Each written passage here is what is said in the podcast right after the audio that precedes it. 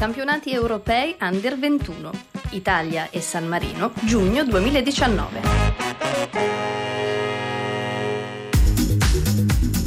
Torniamo a parlare dei campionati europei under 21 che a giugno l'Italia ospita assieme a San Marino. Andiamo a parlare adesso di un tema interessante di cui si parla molto spesso, come quello dei settori giovanili, vale a dire sia il bacino dal quale provengono i calciatori che giocano nelle nazionali under 21 che quell'universo enorme di eh, ragazzi che giocano al calcio per il puro piacere di giocare o magari alcuni coltivando il sogno di diventare calciatori professionisti, alcuni semplicemente passando del tempo tempo assieme agli altri facendo un'attività eh, sana, sviluppando quella che poi diventerà una passione indipendentemente dalla propria eh, professione. Ne parliamo con un amico di eh, Radio Capodista, ne parliamo anche con un mio amico personale, un mio ex collega, vale a dire Dennis Kerzeniga di Sprint Sport. Si tratta del principale organo di informazione relativo al calcio dilettantistico e non professionistico per le regioni di Lombardia e Piemonte. Dennis, ci sei?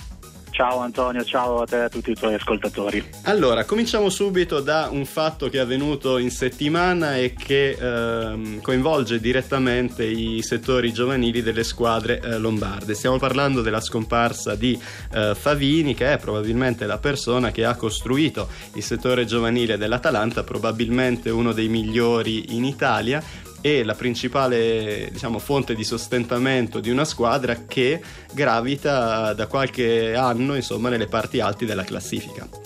Eh sì, eh sì, confermo, infatti vabbè, ormai lo sanno tutti, è stata la notizia del giorno di, di martedì mattina, eh, Mino Favini che è forse il più grande, anzi togliamo il forse, il più grande dirigente sportivo a livello di settore giovanile de, dal dopoguerra fino ai giorni nostri, è mancato martedì mattina, insomma la, l'episodio ha avuto anche un grande risalto a livello eh, ovviamente mediatico, a livello di social perché come Favini negli ultimi appunto 50 anni cioè, non ce ne sono stati, è stato sicuramente il più grande, ehm, era andato, finito dalla sua avventura con l'Atalanta qualche anno fa, era tornato, tornato al Como ed è mancato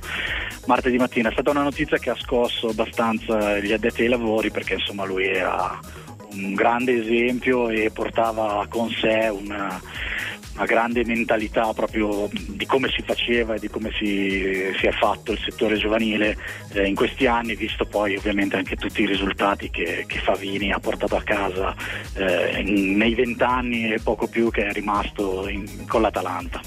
Che persona era e quali erano diciamo, i valori o comunque le iniziative che Favini ha implementato con successo a Bergamo, insomma a Zingonia, che è eh, il paese nel quale c'è il centro sportivo dell'Atalanta? Guarda, quando mh, veniva intervistato, anche io ho avuto l'onore di poterlo intervistare più di una volta, lui ha sempre sottolineato fondamentalmente due discorsi. Il primo, quello relativo al lato tecnico, lui era un innamorato, un, eh, un grande fautore del pensiero che la tecnica eh, nel calcio fosse la cosa più importante. Quindi lui la prima cosa che guardava, era, era solito raccontare che era proprio questa, cioè come il giocatore giovane trattava il pallone, eh, come eh, riusciva a districarsi dalle situazioni difficili, specialmente appunto attraverso la tecnica, perché secondo lui la tecnica appunto era eh, la cosa più importante per, eh, per poter eh, poi lanciare un giocatore a livello di settore giovanile, a dispetto anche del fisico che è sempre stata un po' insomma, la, la, grande diatriba, eh, soprattutto in Italia, di come vengono visti e lanciati i giovani. Eh, un'altra cosa, eh, al pari appunto, del discorso tecnico, era quello eh, del lato umano.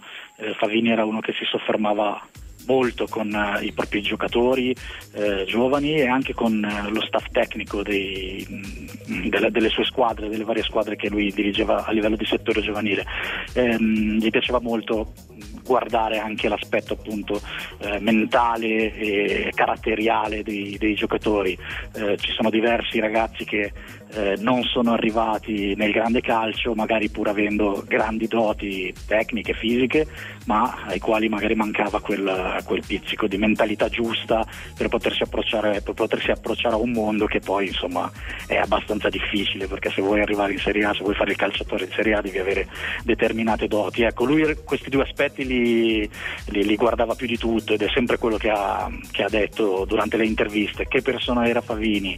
Era una persona innanzitutto vabbè, eh, appunto molto molto molto eh,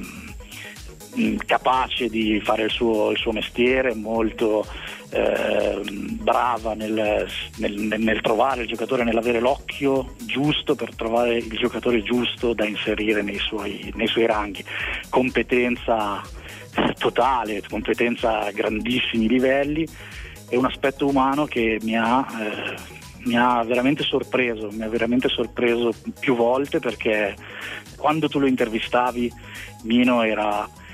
ehm, insomma non, faccio, non so come dirti, non ti faceva eh, pesare il fatto che stessi intervistando il più grande dirigente a livello di settore giovanile. Eh, si approcciava con, con, con tutti gli addetti ai lavori, giornalisti, ma ovviamente anche allenatori, dirigenti, magazzinieri e quant'altro con grandissima umiltà. Questa eh, io la, la, posso confermare personalmente, ma la confermo anche perché da martedì, da quando è mancato, ho ricevuto diverse telefonate di allenatori e dirigenti che ricordavano, che ricordavano Favini e il primo aspetto che mi hanno sottolineato è sempre stato questo, proprio la grande umiltà di sapersi, eh, di sapersi approcciare con le persone veramente alla pari, anche se effettivamente aveva molti motivi per... Eh, per, per tirarsela, ecco. ecco, ecco, l'hai detto tu, ma il concetto è questo. E, mh, mm, e un altro episodio che mi ha, col, mi ha colpito e che va un po' di pari passo con quello che ti ho appena detto è il fatto che lui, pur essendo appunto responsabile del settore giovanile di una squadra che a livello di vivaio è tra le migliori in Europa, eh, lui andava in panchina con le sue squadre di giovanissimi, cioè eh, io diverse volte sono stato a bordo campo a fare foto, a seguire le partite del settore giovanile dell'Atalanta e lui andava in panchina come se fosse un dirigente accompagnatore, qualsiasi tra virgolette, con grande rispetto per i dirigenti accompagnatori, però insomma lui era il responsabile del vivaio, ma gli piaceva stare vicino, vicino alle squadre. E questo l'ho, l'ho notato sia eh, all'Atalanta sia poi negli ultimi anni, quando lui nel 2015 è passato al Como, ero andato a vedere una partita della primavera Milan-Como e anche lì con Galia in panchina da allenatore e lui dirigente seduto in panchina insieme ai ragazzi pronti a subentrare. Ecco. Semplifichiamo un po' la questione per chi magari non è troppo addentro le questioni del calcio e dei settori giovanili. Insomma, per settori giovanili si intende quelle categorie dove giocano appunto i ragazzi eh, più giovani, dividendo diciamo a grandissime linee. Esistono dei settori giovanili, diciamo, professionisti nazionali, cioè quei ragazzi che giocano nei settori giovanili delle squadre professionistiche. Esistono dei settori giovanili, chiamiamoli provinciali, quindi dove prevale l'aspetto ricreativo, quindi sono quei ragazzi che giocano nelle squadre, chiamiamole tra virgolette, di quartiere ed esistono delle categorie intermedie, vale a dire dei, dei, dei campionati di categoria regionale dove ci sono insomma delle selezioni eh, che sono intermedie anche probabilmente nella qualità tra chi gioca a livello puramente ricreativo e chi gioca a livello più eh, strutturato, più eh, organizzato. Eh, parliamo di nuovo degli europei under 21. Noi abbiamo una nazionale italiana che sulla carta dovrebbe essere competitiva. Eh, questi giocatori, Dennis, da che passato eh, provengono, cioè eh, sono dei ragazzi che sono cresciuti calcisticamente nei settori giovanili delle squadre professionistiche oppure sono dei ragazzi che hanno avuto la possibilità di giocare magari in categorie subalterne quindi di mettersi in luce affinché le squadre di Serie A o di Serie B li selezionassero e di conseguenza che finissero nel giro della nazionale under 21. Ma guarda Antonio, ehm, guardando un po' quelli che saranno le convocazioni, adesso penso che ormai la lista sia praticamente definitiva, a parte quei due o tre dubbi che giustamente Di Biagio si porterà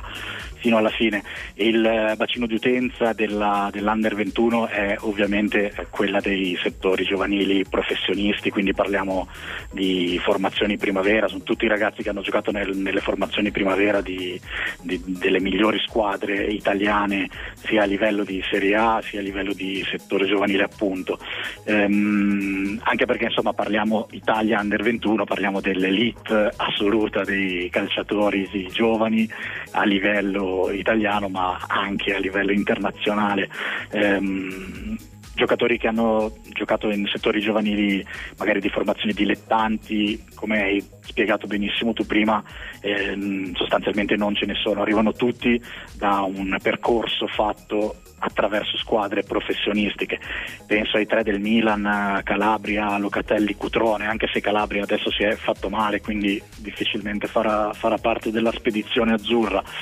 Eh, ci sono i Di Marco eh, che ha fatto tutta la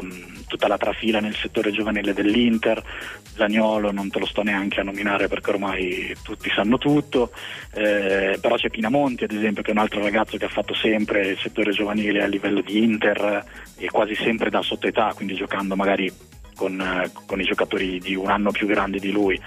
Eh, potrebbero rientrare nella lista anche, ho visto ci sono Parigini del Torino e Vido del Perugia. Vido è un ragazzo che anche lui ha fatto tutta la trafila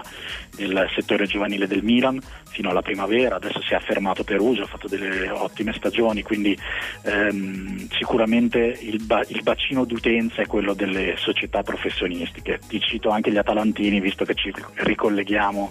con il discorso di, di Favini, eh, c'è Alessandro Bastoni che sta giocando a Parma, ma è assolutamente una delle scoperte di, di, di Favini, classe 99, difensore centrale, ha fatto tutta la trafila della, nell'Atalanta prima di, prima di andare all'Inter. Ecco, io lo vedevo da giovanissimo quando giocava nei giovanissimi appunto contro Donnarumma, insomma, in 99 Atalanta-Milan nelle finali di qualche anno fa ormai.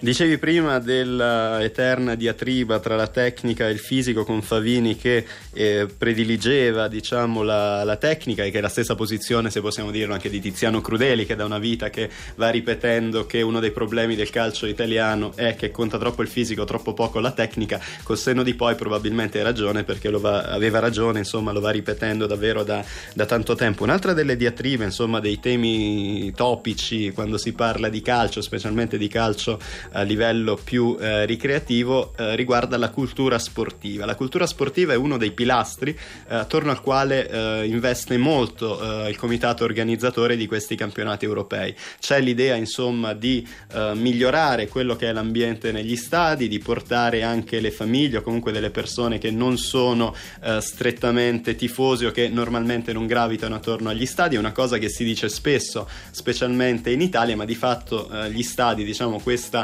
dimensione così eh, accogliente forse in Italia non l'hanno mai avuta o forse l'hanno avuta davvero in circostanze diciamo relativamente eh, sporadiche. Eh, prima hai tratteggiato il profilo di Favini definendolo anche a ragione uno dei migliori dirigenti per quanto riguarda i, setti- i settori giovanili delle squadre eh, competitive. Se ti chiedessi di tratteggiare un profilo invece di un dirigente tra virgolette ideale o com- eh, in questo caso stiamo parlando anche molto spesso di un volontario. Eh, per quanto riguarda le squadre dei eh, settori giovanili, diciamo più di livello eh, ricreativo, che caratteristiche deve avere secondo te una persona che si impegna affinché i ragazzi possano giocare, divertirsi e trascorrere del tempo in un ambiente sano?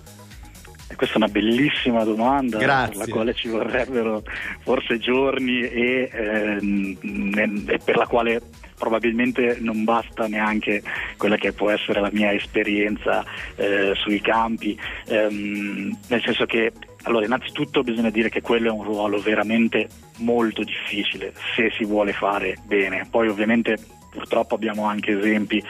in cui eh, quel ruolo viene fatto da persone non all'altezza, però secondo me la maggior parte ehm, dei responsabili di settore giovanile a livello provinciale vanno innanzitutto elogiati perché eh, fanno un'opera di eh, reclutamento tra virgolette su ragazzi che magari insomma, non, met- non, metterebbero lo sport al primo posto. Se ne parla tanto anche in questi, in questi, ultimi, questi ultimi tempi di social network e piattaforme online che possono portare via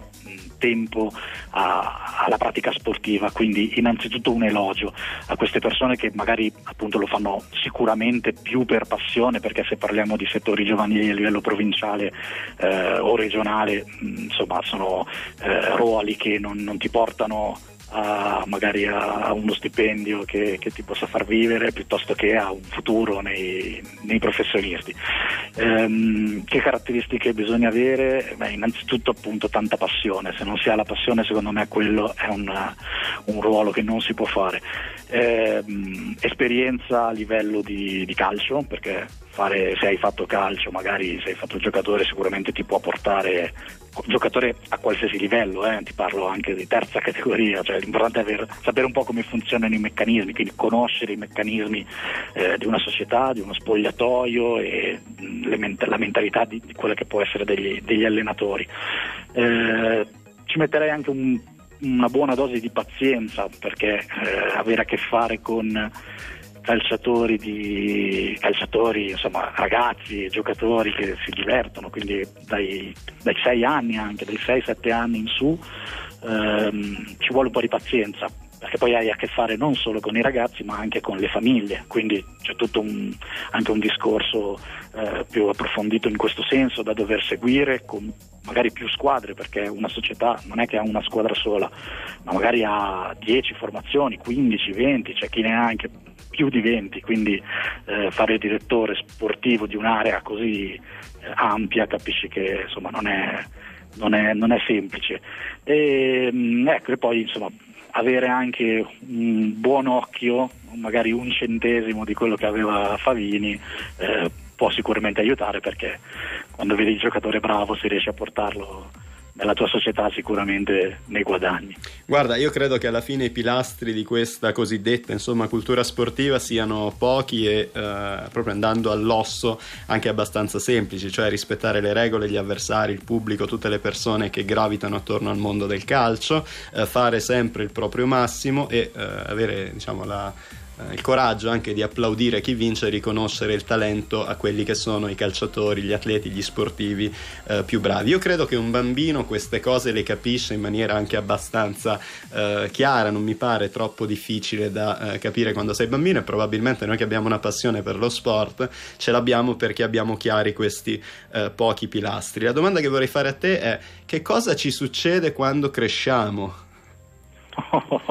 quindi la difficoltà aumenta di domanda in domanda. Eh? Eh, questa non, non, non, ti so rispondere sinceramente, eh, subentrano evidentemente delle, de, delle, nuove sensazioni, delle nuove, eh, dei nuovi meccanismi anche forse mentali, anzi sicuramente mentali di come, di come si affronta la, la pratica sportiva. Eh, un grande esempio è, quello, è l'annoso problema dei, dei risultati della, della scuola calcio. Eh, quando si è piccolini si gioca e non, quasi non si contano i gol che, che si fanno e si subiscono, eh, paradossalmente il risultato diventa più importante per quando sei adulto o per gli adulti che insomma, fanno poi delle considerazioni magari neanche appropriate. Eh, tema che meriterebbe un ampio approfondimento e sono sicuro che tu riuscirai a, eh, sviscerarlo nel migliore dei modi. Guarda, ci provo, ci provo, ci provo, Dennis, anche perché io rimango convinto che una delle questioni più problematiche sia del mondo sportivo che in generale anche della società sono le proiezioni che i genitori riportano nei figli, siano i genitori allenatori, pubblico, arbitri e quant'altro e da queste eh, pressioni, diciamo così, vengono fuori secondo me una serie di discontinuità che creano poi delle, delle problematiche. Assolutamente, sicuramente, sicuramente. Dennis Carzaniga di Sprint Sport, grazie mille per essere stato con noi in questa domenica pomeriggio a Ritmo di Sport. Grazie a te Antonio, un saluto a tutti. When I'm underneath the bright lights, when I'm trying to have a good time